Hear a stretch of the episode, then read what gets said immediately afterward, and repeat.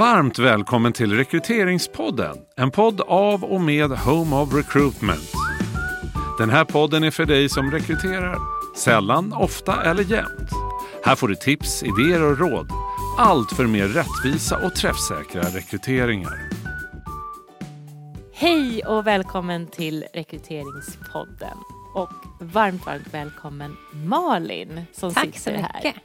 Tack för att du är här. Jag har verkligen längtat efter att få intervjua dig i Rekryteringspodden. Vi har ju setts flera gånger tidigare och vi har pratat om det här ämnet som vi nu ska prata om i poddformat också. Men jag är så, så himla glad över att du är här för det här är någonting som jag tänker att våra lyssnare allihopa borde vilja höra eh, och borde vara väldigt nyfikna på. jag.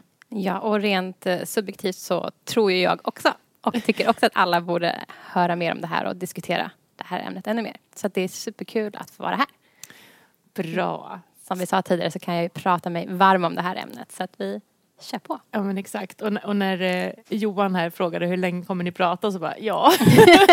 vi skulle kunna prata Hela i tre dagen. timmar men eh, jag tänker att vi ska försöka hålla det till ett normalt, eh, normal, långt poddavsnitt. Så. Och jag har ju ett antal frågor här som jag har förberett för dig. Men innan dess, jag har inte ens sagt hela ditt namn Malin. Nej. Malin Freiman Moetzi Stämmer. som jobbar på Assessio som psykolog. Mm. Och ämnet för det här avsnittet är hur träffsäkert är ett personligt brev egentligen? Så, men innan vi går in på de här frågorna som jag tänker ställa till dig så tänkte jag att du kunde få börja med att presentera dig eh, lite kort. Vad, vad är din roll på Assessio och vad är din bakgrund? Så. Ja. Eh, bakgrunden då är att jag är psykolog och jobbar som konsult på Assessio. Eh, och det har jag gjort sedan 2016. Och innan dess så jobbade jag på Migrationsverket också eh, som assistent och tillförordnad handläggare. Så att jag har jobbat mycket inom offentlig sektor så det är väl lite där egentligen som mitt intresse väcktes för arbets och organisationspsykologi. Så att eh, under psykologprogrammet så banade jag mig mot den här frågan och tog eh, lite kontakt med Assessio och sa att här vill jag vara. så började med praktiken där och sen fortsatte som timanställd och har sen gjort min PTP där efter examen. Just det. Och nu är du föräldraledig och här och Ja, hälsar på medan eh, Precis. Alma är Mm. hemma. Hemma med Utan mamma, Ja. med farmor. Ja. Toppen. Du, du och din studiekamrat, eh, uppsatspartner, valde ju att för, fördjupa er inom det här området. Och jag är så otroligt tacksam för det. För det här är ju sånt som, som jag tänker att det bara känns som att det, ja, det skulle vara så här som ni kom fram till. Men det är alltid skönt att ha någonting att hänvisa till, en studie att hänvisa till. Så jag tycker det här är så bra att ni gjorde. Men kan inte du berätta Malin, vad var anledningen till att ni liksom valde att göra en studie just kring träffsäkerheten i de personliga breven? Men det började väl med att vi bestämde oss för att, eh, för både jag och min uppsatspartner jobbade ju då som timanställda på Assessio. Så vi visste ju att vi hade en unik möjlighet att faktiskt få göra ett samarbete med dem genom att använda oss av deras tester. Eh, Vilket har gjorts tidigare med andra timanställda och psykologstudenter. Så vi började undersöka lite grann vad finns det för intresse och vad finns det för eh, handledare på universitetet som kan tänka, oss gör, tänka sig göra en uppsats eller skriva en uppsats med oss inom det här området, inom personlighetspsykologi. Och då hittade vi en handledare som precis hade då börjat ta fram det här verktyget där man faktiskt analyserar texter. Och då satt vi i diskussion med honom och så kom vi fram till att men vore det inte superintressant att analysera personliga brev? För det har inte gjorts tidigare. Inte inom eh, den här, inte inom rekryteringssektorn eh, om man ska säga. Nej. Utan man har ju tittat på personliga texter, på blogginlägg och på Facebookinlägg och så. Men man har inte gjort någonting mer kopplat till rekrytering och arbetslivet. Nej. Ja, men och så, återigen, så himla bra att ni gjorde det. För jag tänker att personliga brev används ju många gånger idag i kombination med ett CV för att avgöra vem som ska få komma till nästa steg i en urvalsprocess. Där då CVt står för de här hårda skallkraven och eh, det personliga brevet många gånger då ska vara avgörande för Verkar det här vara en person som har de egenskaper som vi söker för den här rollen? Ja, det ser ut så. Så tar vi den personen vidare till intervjufasen. Liksom. Precis. Eh, Så, men Okej, hur gjorde ni då den här studien? Går det att beskriva lite kortfattat? Ja, men det vi gjorde var att vi bad helt enkelt eh, deltagare att skicka in tidigare eh, eller nya då, personliga brev. Men framförallt så tänkte vi att men, de flesta sitter ju säkert på personliga brev på datorn. Så vi bad då kandidater att skicka in sina personliga brev. Det var tydligt att de skulle vara skrivna på svenska och av dem själva. Och sen så fick man även svara då på personlighetstestet MAP. Och bägge då, både verktyget som analyserar texterna och eh, MAP personlighetstest är ju ett, tester som bygger på femfaktormodellen inom personlighet. Så att vi då kunde korrelera de här fem personlighetsfaktorerna mot varandra i de olika verktygen. Toppen. Och nu då vad blev resultatet på ett övergripande plan? Vad, vad liksom kunde ni se? På ett övergripande plan så kunde vi då inte se att det finns någon större korrelation mellan personliga brev och personlighetstest. Utan vi fann två svaga positiva samband på två av personlighetsskalorna. Men de var så pass svaga att det är egentligen ingenting som man kan säga någonting om. Nej. Så på, på det stora hela kan man säga att nej, men det finns inget större samband mellan hur vi beskriver oss i personliga brev och hur vi svarar på personlighetstester. Nej. Så om vi säger att vi är strukturerade så visar det sig inte tydligt i ett femfaktortest. Vi kan inte säga att det liksom är objektivt mätbart på det sättet. Alltså, visst kan man vara strukturerad men vi kan inte säkerställa det Nej. på så sätt. Nej. Och om man sen tittar lite djupare i det här och ner i detaljnivå lite mer. Vad var de mest intressanta fynden som ni gjorde där? Men det, det mest intressanta var väl egentligen att vi fick lite bekräftat vår misstanke personliga brev kanske inte är något vi ska använda oss av i rekryteringssammanhang. Och sen var det också intressant att se då att just de eh, två personlighetsskalorna som faktiskt hade ett svagt positivt samband ändå var målmedvetenhet och extroversion. Som man då ändå kan tänka att ja, men det är väl också de två personlighetsegenskaperna som man tycks premiera i samhället och som man gärna faktiskt vill framhäva i de flesta arbetssammanhang. Att man jobbar hårt, att man är van att ha många bollar i luften, att man kan ta för sig. Och det här sociala som många beskriver, att man är flexibel och att man har hög ambition och att man jobbar hårt, man har hög arbetsintensitet. Det är också gärna, ja men det är någonting vi vill framhäva. Så sannolikt så trycker man också lite mer extra på de egenskaperna att beskriva i ett personligt brev. Mm.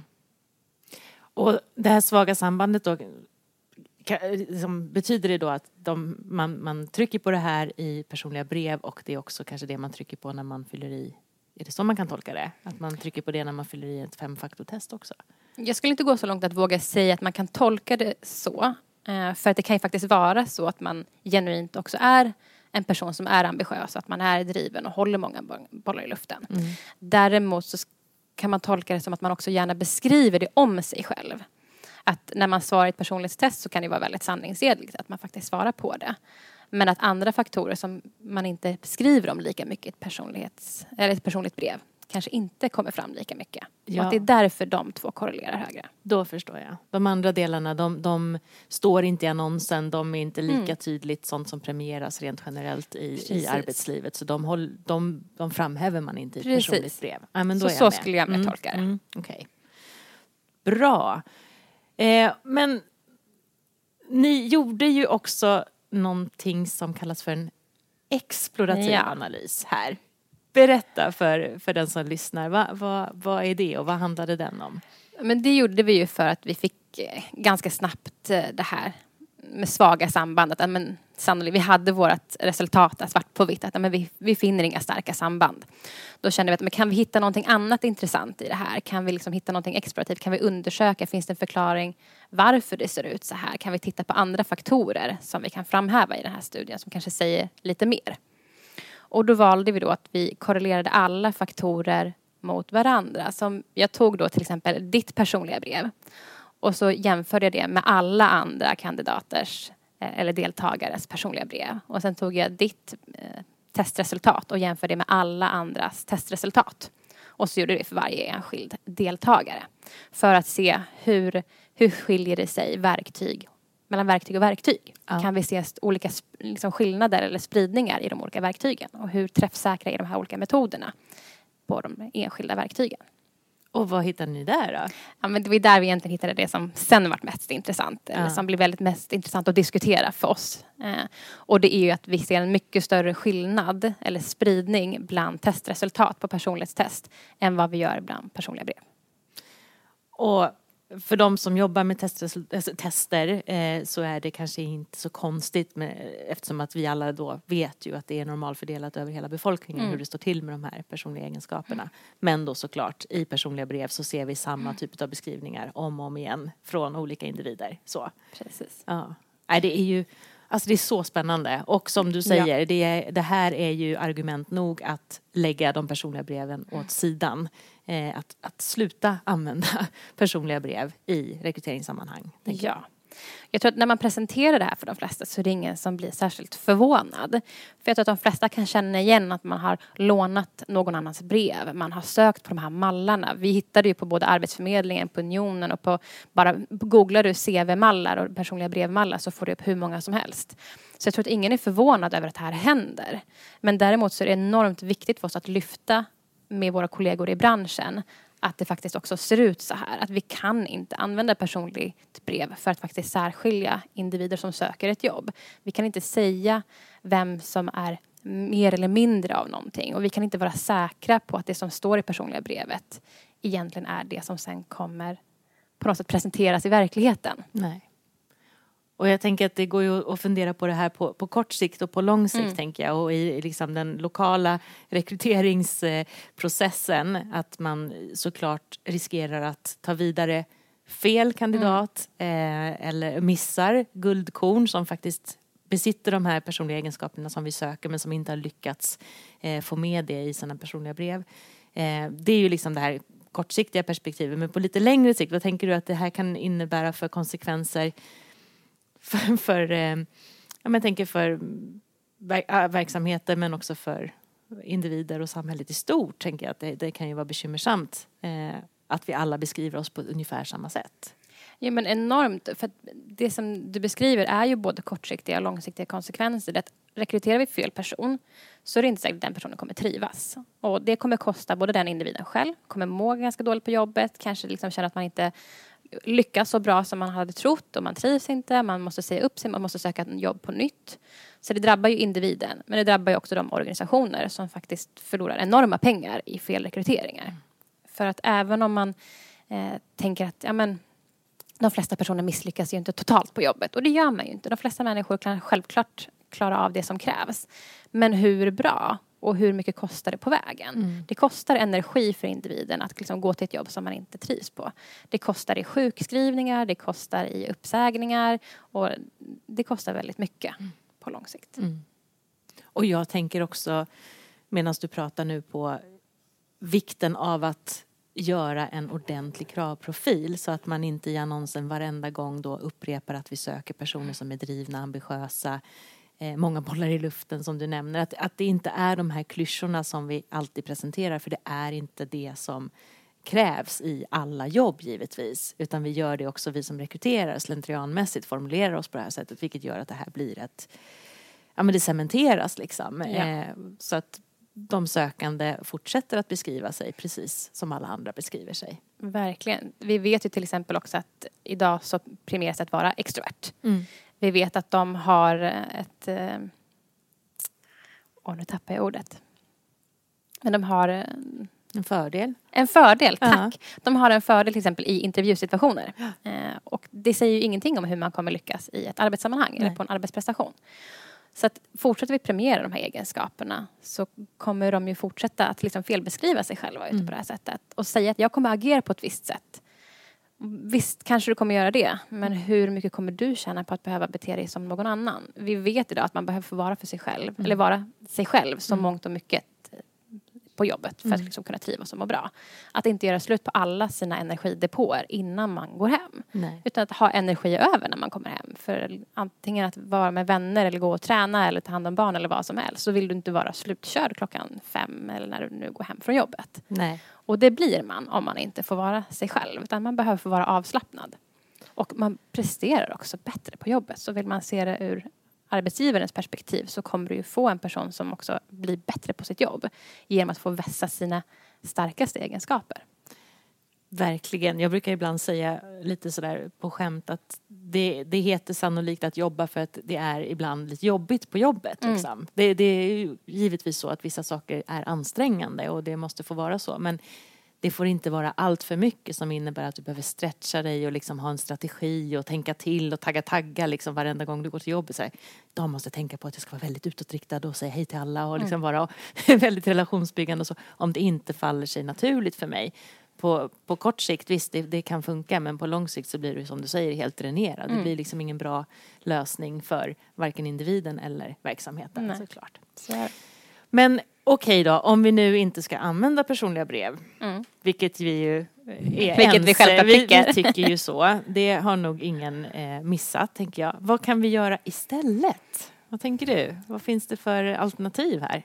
Ja, men det känns ju som att jag självklart kommer svara personlighetstester. Men det är ju så också att det är väldigt viktigt att trycka på att det är inte personligheten vi ska sluta titta på. De här mjuka värdena hos kandidater som söker jobb är enormt viktiga. Vi vet tack vare forskning att personligheten har en jättestor betydelse. Det är en jätteviktig faktor i hur du mår, hur du trivs, hur engagerad du är och hur du faktiskt presterar på jobbet. Så de här mjuka värdena som vi egentligen vill åt genom att använda oss av personliga brev, de ska vi fortfarande titta på. Men vi har verktyg som faktiskt är bättre på att göra det. Och då är det ju tester som mäter personlighetsegenskaper.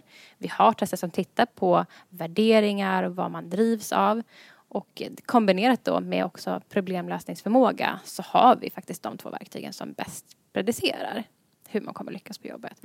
Och vissa tycker att det låter lite smalt att säga att man ska lyckas på jobbet men du som individ mår ju också bra av att få prestera på det som du förhoppningsvis vill göra. För man pratar ju mycket om de här personlighetsegenskaperna, att vara driven, att vara målmedveten, att prestera högt. Och om man bara beskriver sig i ett personligt brev, så kan, vad betyder att vara driven då? Så, om vi liksom förenklar det. Du kan ju vara driven av att få jobba någonstans med något som du är intresserad av. Om du hit, matchar värderingar, matchar intressen med, med en roll och med, liksom med en tjänst så kan ju det göra mig driven. Det kan ju låsa upp en, en mycket högre ambition än att jag bara är ambitiös generellt. Mm. Så det gäller att också särskilja, okej, jag har, är jag en person som har hög ambition i alla, de flesta situationer? Eller kan jag faktiskt också ha en hög ambition för att jag matchar på andra faktorer? Och att låsa upp de olika skillnaderna. Så klokt. Jättebra. Eh, och svår fråga nu här, Mm. men, men om du liksom får lite grann titta in i framtiden, Malin. Mm. Vad tänker du? Hur tror du att rekryteringsarbetet kommer att utvecklas? Nu när alla lyssnar på den här podden Ja. och förstår det här. Nej men skämt åsido, vad, vad tänker du? Vad, vad har vi framför oss? Eh, Vi ser ju en... Det är så här, vi har ju pratat om det här du och jag tidigare Mm. och det är verkligen så stor skillnad på vart vi var för ett år sedan och vart vi är idag.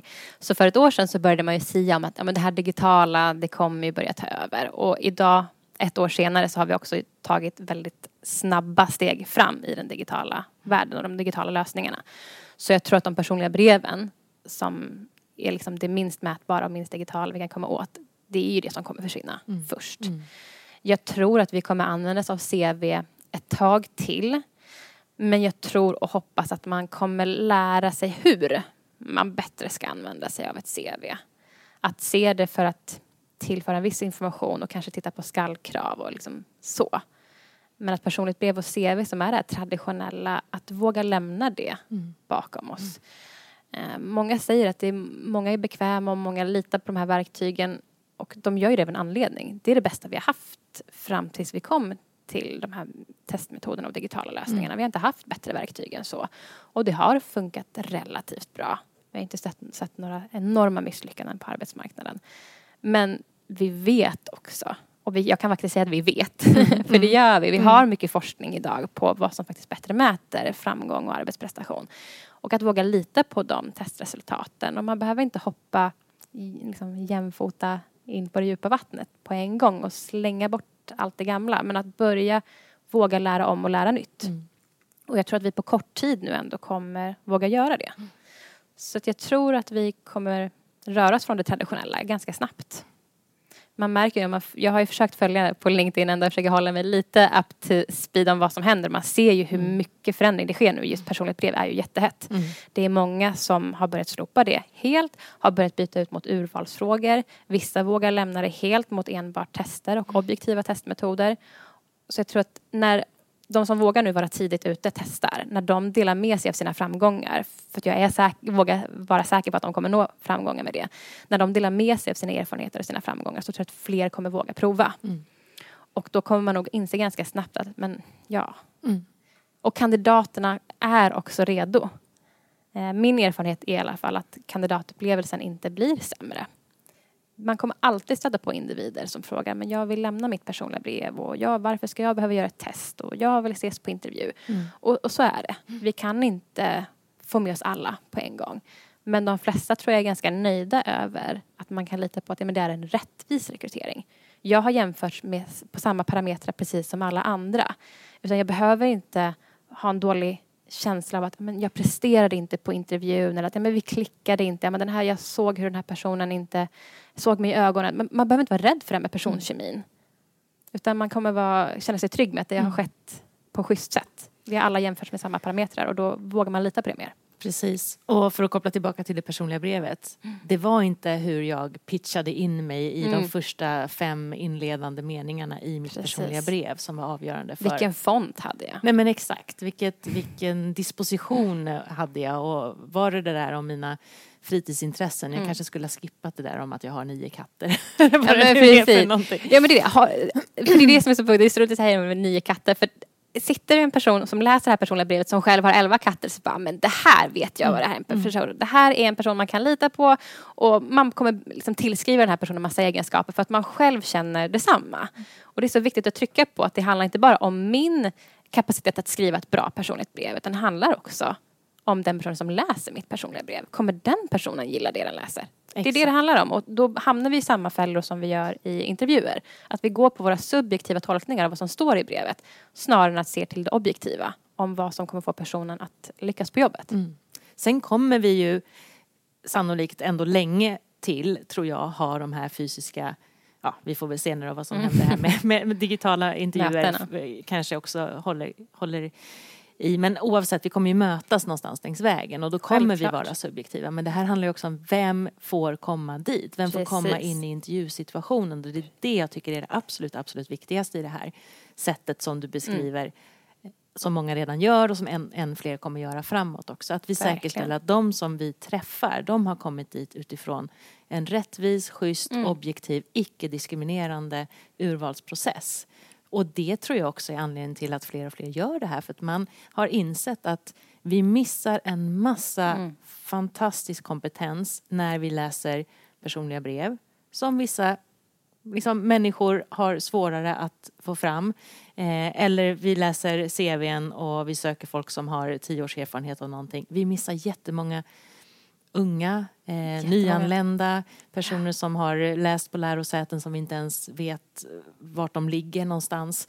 Eh, så, gud, jag blir alldeles... Men det, är Ja, det men här med, är och ju det är så bra för jag skulle bara vilja säga att jag skulle liksom vilja sätta ett utropstecken som man gör i så chattmeddelanden Ja, på typ det du ja, säger. För det. det är så viktigt. Och precis som du säger, men tidigt i urvalet. För att jag möter ju också, både privat och i jobbet så träffar man personer som, man kanske ska jobba tre personer på ett kontor. Det kanske kommer vara de här tre personerna som träffas varje dag. Det är klart att det kommer få spela roll vad man har för personkemi. Det är klart att man måste få låta det subjektiva i vissa situationer få väga in. Men vi måste säkerställa att av dem du väljer så har vi först tittat på alla schysst och rättvist. Och det är väl det som handlar om att tidigt i ett urval att våga lita på de här objektiva metoderna så att vi ser till att vi har inte missat någon. Här har du tio likvärdigt bra kandidater. Träffa dem. Och vill du väga in det subjektiva, vill du träffa dem och liksom titta på mer faktorer, gör det. Men då vet du att ingen av de här tio kommer misslyckas och alla de har mätts på samma sätt. Exakt. För det här med fördomsfria rekryteringsprocesser får jag lite knottror av. För det är klart att vi, våra fördomar kommer komma in Ja, där det går inte någonstans. att undvika, vi är fortfarande bara människor. Ja, men det måste skjutas så långt, liksom, vad ska man säga, fram eller bak, jag Mm. vet inte hur jag ska uttrycka det, men liksom så nära anställningsbeslutet Ja, som det bara går. Så att allt vi gör innan dess måste vara så rättvist, Ja. icke-diskriminerande och objektivt som det går. Och då är inte personliga brev en bra Det är urvalsmetod. inte en bra urvalsmetod. Nej. Nej men precis, och det, jag tror att vi måste våga, våga vara lite ödmjuka med det också. Att men vi kommer göra fel. Mm. Vi kommer väga in våra subjektiva liksom, eh, tankar och eh, fördomar för att vi är människor. Det går inte att stänga av allting. Men vi kan undvika det till så mycket, till så mån som möjligt. Mm. Och det är det jag tycker är viktigt, att det är ingen som säger att det finns några perfekta tester. Nej. Det finns inga felfria rekryteringar. Men vi kan göra dem mer rättvisa. Vi kan göra dem mer objektiva. Och vi kan minska diskriminering. Mm. Det är det man får trycka på. Det är ingen som säger att det är svart och vitt och att vi kommer lyckas till 110 procent. Men det går att göra väldigt mycket bättre. Och ju mer vi testar desto liksom, bättre kommer vi också bli. Mm.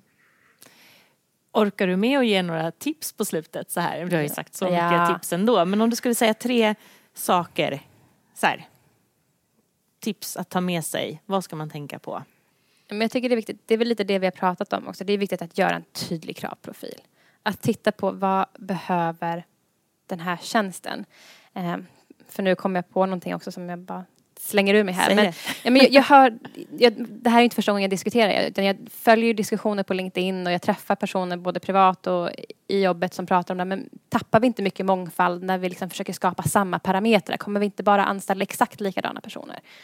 Och man måste komma ihåg att vi kommer skala fram det som är viktigt för att lyckas. Och vi kommer kanske inte ha mångfald inom arbetsprestation, vilket vi typ inte vill ha, för vi vill ju att alla ska lyckas lika bra.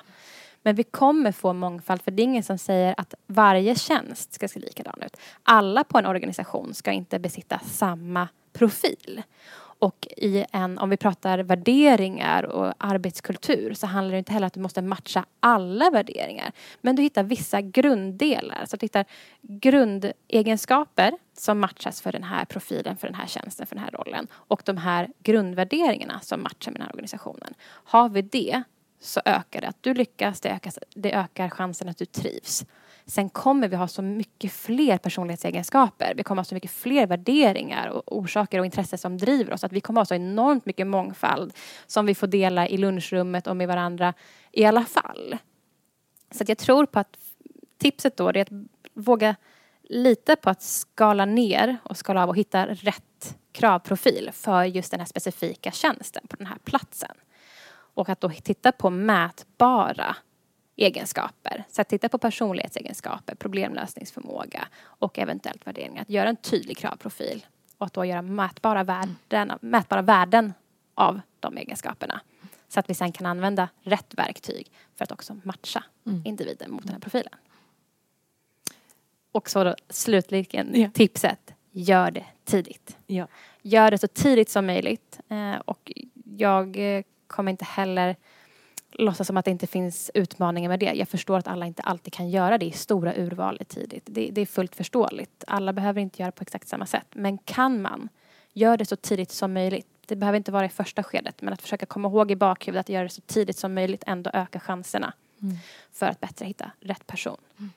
Och att sen slutligen faktiskt våga lita på de resultaten man får. Mm. För det, eh, det är också en erfarenhet att man får ett resultat och så kanske man inte tycker att det stämmer överens med det personliga brevet. Nej, Så jag kanske har läst de här personliga breven och så gör jag tester på kandidater och tycker att ja, fast så här uppfattade inte jag den här personen i personliga brevet. Men att faktiskt då våga lita på de tester man har gjort och våga lita på de, res- de resultaten. Toppen. Mm. Det fick Det finns ju bli... massa andra tips Men, ja, men gud ja, som sagt. Men jag tänker, Tidiga tips. Mm. jättebra. Och, och jag är återigen, jag har verkligen sagt det, jag är så tacksam för den här studien. Jag är så jätteglad att du är här. Stort tack för att du delar med dig. Eh, Ja, och tack. Tack för kul. fin, fint samarbete också med, med dig och alla ja, andra på men Det är ju väldigt roligt. Det är viktigt. Mm. Eh, som sagt, det är därför vi kan sitta här i timmar och prata om det här. Eller hur? Att jag tycker att det är så kul. Ja, men det, det är väldigt roligt. Jag minns ändå när vi presenterade den här uppsatsen på då för vår granskare och när vi hade vår opponering. Och vår granskare ändå säger att hon bara, det här är så viktig information. Hon bara, jag hoppas att det här i framtiden når Arbetsförmedlingen och alla de, eh, unionen och de fackmedlemmar som faktiskt eh, tränar sina medlemmar att göra på ett visst sätt. Att de får information om att det här kanske inte är det bästa för era medlemmar.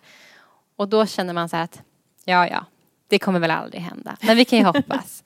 Och så sitter man här nu och nu pratar vi om det och den här studien får utrymme och den väcker frågor just för att det faktiskt saknas eh, annat material på just det personliga brevet. Trots att det är ett av våra mest använda ja, verktyg om man vill kalla det det. Man tittar liksom ofta inte på det som kanske man anser vara så evidensbaserat utan man fokuserar på det som är evidensbaserat och så fortsätter man titta på det. Men man behöver ju också kunna argumentera för varför det andra inte heller är bra. Då behöver man ju någonting att kunna bestyrka det med. Så det känns faktiskt skitkul ändå att vi får sitta och prata om den här studien nu några år senare. Och jag tänker om någon lyssnar som står i begrepp att eh, kanske skriva sin uppsats Mhm. så finns det ju utrymme för fler Verkligen. studier tänker jag. Verkligen. Så att vi kan få ännu mer Ja, ännu mer. svart på vitt. CVn kanske också. CVn kan vi Mm. ta härnäst. Precis. Vi vet- rekrytering och utrota alla personliga brev. Men det Eh, finns ju ändå metaanalyser som visar på att den, den information som går att hitta i CV faktiskt har väldigt svag eh, korrelation Mm. med arbetsprestation. Eh, jag tror inte de ligger på högre än punkt 3 så det är väldigt svaga samband där. Mm. Eh, men det skulle ju vara ändå intressant att kanske titta mer specifikt på CVn. Så om du sitter där ute och funderar på att skriva en masteruppsats, gör det om CVn och arbetsprestation. Precis, och om någon sitter och lyssnar och eh, har lite frågor kopplat till det här så tänker jag mig att de får höra av sig både till mig och Ja. till dig Malin, eller hur? ja, verkligen. Det här som alla har märkt eh, kan vi inte prata. Nej gud, nej, jag Färdigt kan prata hur mycket som helst. Hör av er. Hör av er. Och vill ni höra av er till oss på Home of Recruitment så gör ni det via eh, vår hemsida www.homeofrecruitment.se. Där hittar ni våra kontaktuppgifter och jag heter Josefin Malmer. Stort tack Malin eh, för att du kom hit. Ja, tack så jättemycket för att jag fick komma hit.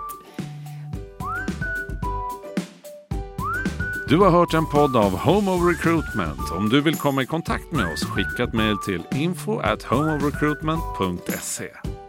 Podden är producerad av Septemberfilm.